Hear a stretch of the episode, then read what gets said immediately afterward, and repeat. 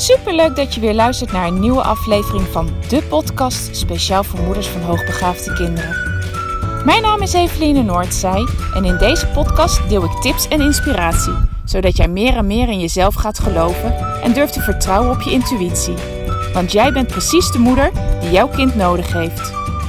Hoe ga je om met uitdagende situaties? Wat heeft jouw kind van jou nodig? En hoe zorg je voor verandering in je gezinssituatie door jouw eigen persoonlijke groei? Ik heb er veel zin in om dit allemaal met jou te delen. Dus laten we voor vandaag maar gaan beginnen.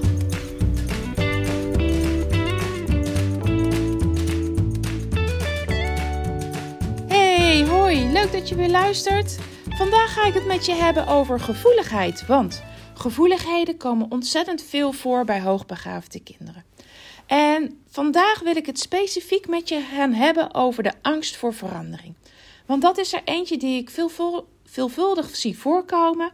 En waarvan ik ook zie dat ouders dat best een hele lastige vinden. Omdat ze aan de ene kant zien dat hun hoogbegaafde kind heel veel uitdaging nodig heeft. En op het moment dat ze die willen bieden met een uitstap, met iets ergens naartoe gaan, hè, naar een museum of een bezoek ergens anders aan, wat, waar het kind ontzettend veel plezier aan zou kunnen hebben, hè, omdat het uitdaging geeft. Maar ze lopen er dan tegenaan dat het kind angstig is. Angstig voor de verandering. Angstig om iets nieuws te doen. Iets onbekends. Iets waarvan ze niet weten ja, wat ze kunnen verwachten. En daar, daar ze dan ook heel veel weerstand ehm, tegen hebben. Hè? Kinderen worden boos.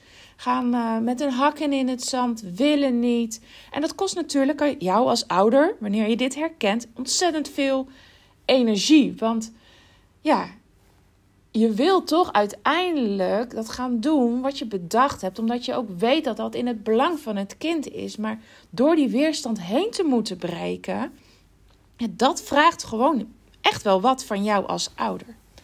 Nou, daar, daarover ga ik het dus vandaag met je hebben. En een van de belangrijkste dingen uh, die ik zelf heb ervaren, maar uh, waarvan ik ja, ook geloof dat dat echt heel belangrijk is in het contact met je kind, is dat je het serieus neemt. dat je het serieus neemt dat je kind dat angstig vindt en dat hij daar bang voor is. Ehm, maar aan de andere kant dat je er niet in meegaat. Want daarmee help je jouw kind niet te leren om om te gaan met die angst. Met, met die angst voor verandering. Met die angst voor die, die onbekende nieuwe situatie. Maar neem het wel echt heel serieus. Want het is iets wat echt bij jouw kind speelt. En op het moment dat jij dat wegwuift of niet als niet belangrijk vindt of er overheen stapt, dan, dan uh, heb je hele grote kans dat je kind het gevoel heeft um, dat, uh, dat zijn gevoel er niet mag zijn dat het niet oké is dat het voelt wat het voelt.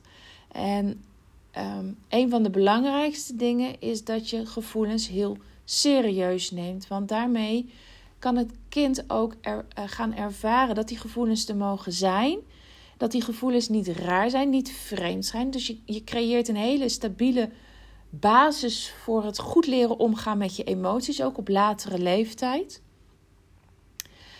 En um, aan de andere kant leer je je kind heel erg dat, dat die gevoelens niet hoeven te overheersen. Dat je daar niet altijd uh, direct maar naar hoeft te luisteren. In de zin van dat dat dan betekent dat je dingen dan maar niet hoeft te doen. Maar je leert je kind om te gaan met die emoties, die, die, hè, die gevoelens van, van angst en, en weerstand. Dus neem het serieus. Ehm, want heel vaak, en dat zal je misschien van jezelf ook herkennen, is angst een hele slechte raadgever. Het is zo dat hè, we zijn van nature geprogrammeerd om ergens bang of angstig voor te zijn wanneer er reëel gevaar dreigt. Maar ons systeem heeft ook een angstreactie. Die kan dat ook geven op dingen die helemaal geen reëel gevaar zijn. Um, eigenlijk is het dus een irrationele angst. En ondanks dat die irrationeel is, is het toch serieus te nemen. Ehm, maar wel je kind te leren dat die angst ook een slechte raadgever kan zijn. En wanneer ga je nou uh, dingen wel uit de weg? Want als er reëel gevaar is, ja, dan is het heel logisch dat je dingen gaat vermijden. Of dan is het heel logisch dat je dingen niet aangaat, omdat het echt gevaarlijk is. Maar iets nieuws doen, dat is geen reëel gevaar. Het kan natuurlijk wel uh, tot gevaar in je hoofd leiden. Want dat is, daar zijn hoogbegaafde kinderen natuurlijk goed in. Want wat als dat, wat als zus, was als zo. Nou, en daar kan je het met je kind over hebben. Van ja, oké, welke, waar ben je dan als we iets nieuws gaan doen of als er iets gaat veranderen? Waar ben je dan precies bang voor? En dan kan je het met je kind erover gaan hebben. En dan kan je daar ook oplossingen voor gaan zoeken. En dan kan je ze ook meegeven van ja, dat kan, maar dat hoeft helemaal niet te gebeuren. Dus ontneem je kinderen deze leerervaringen niet, maar ga ze met, met hem of haar aan.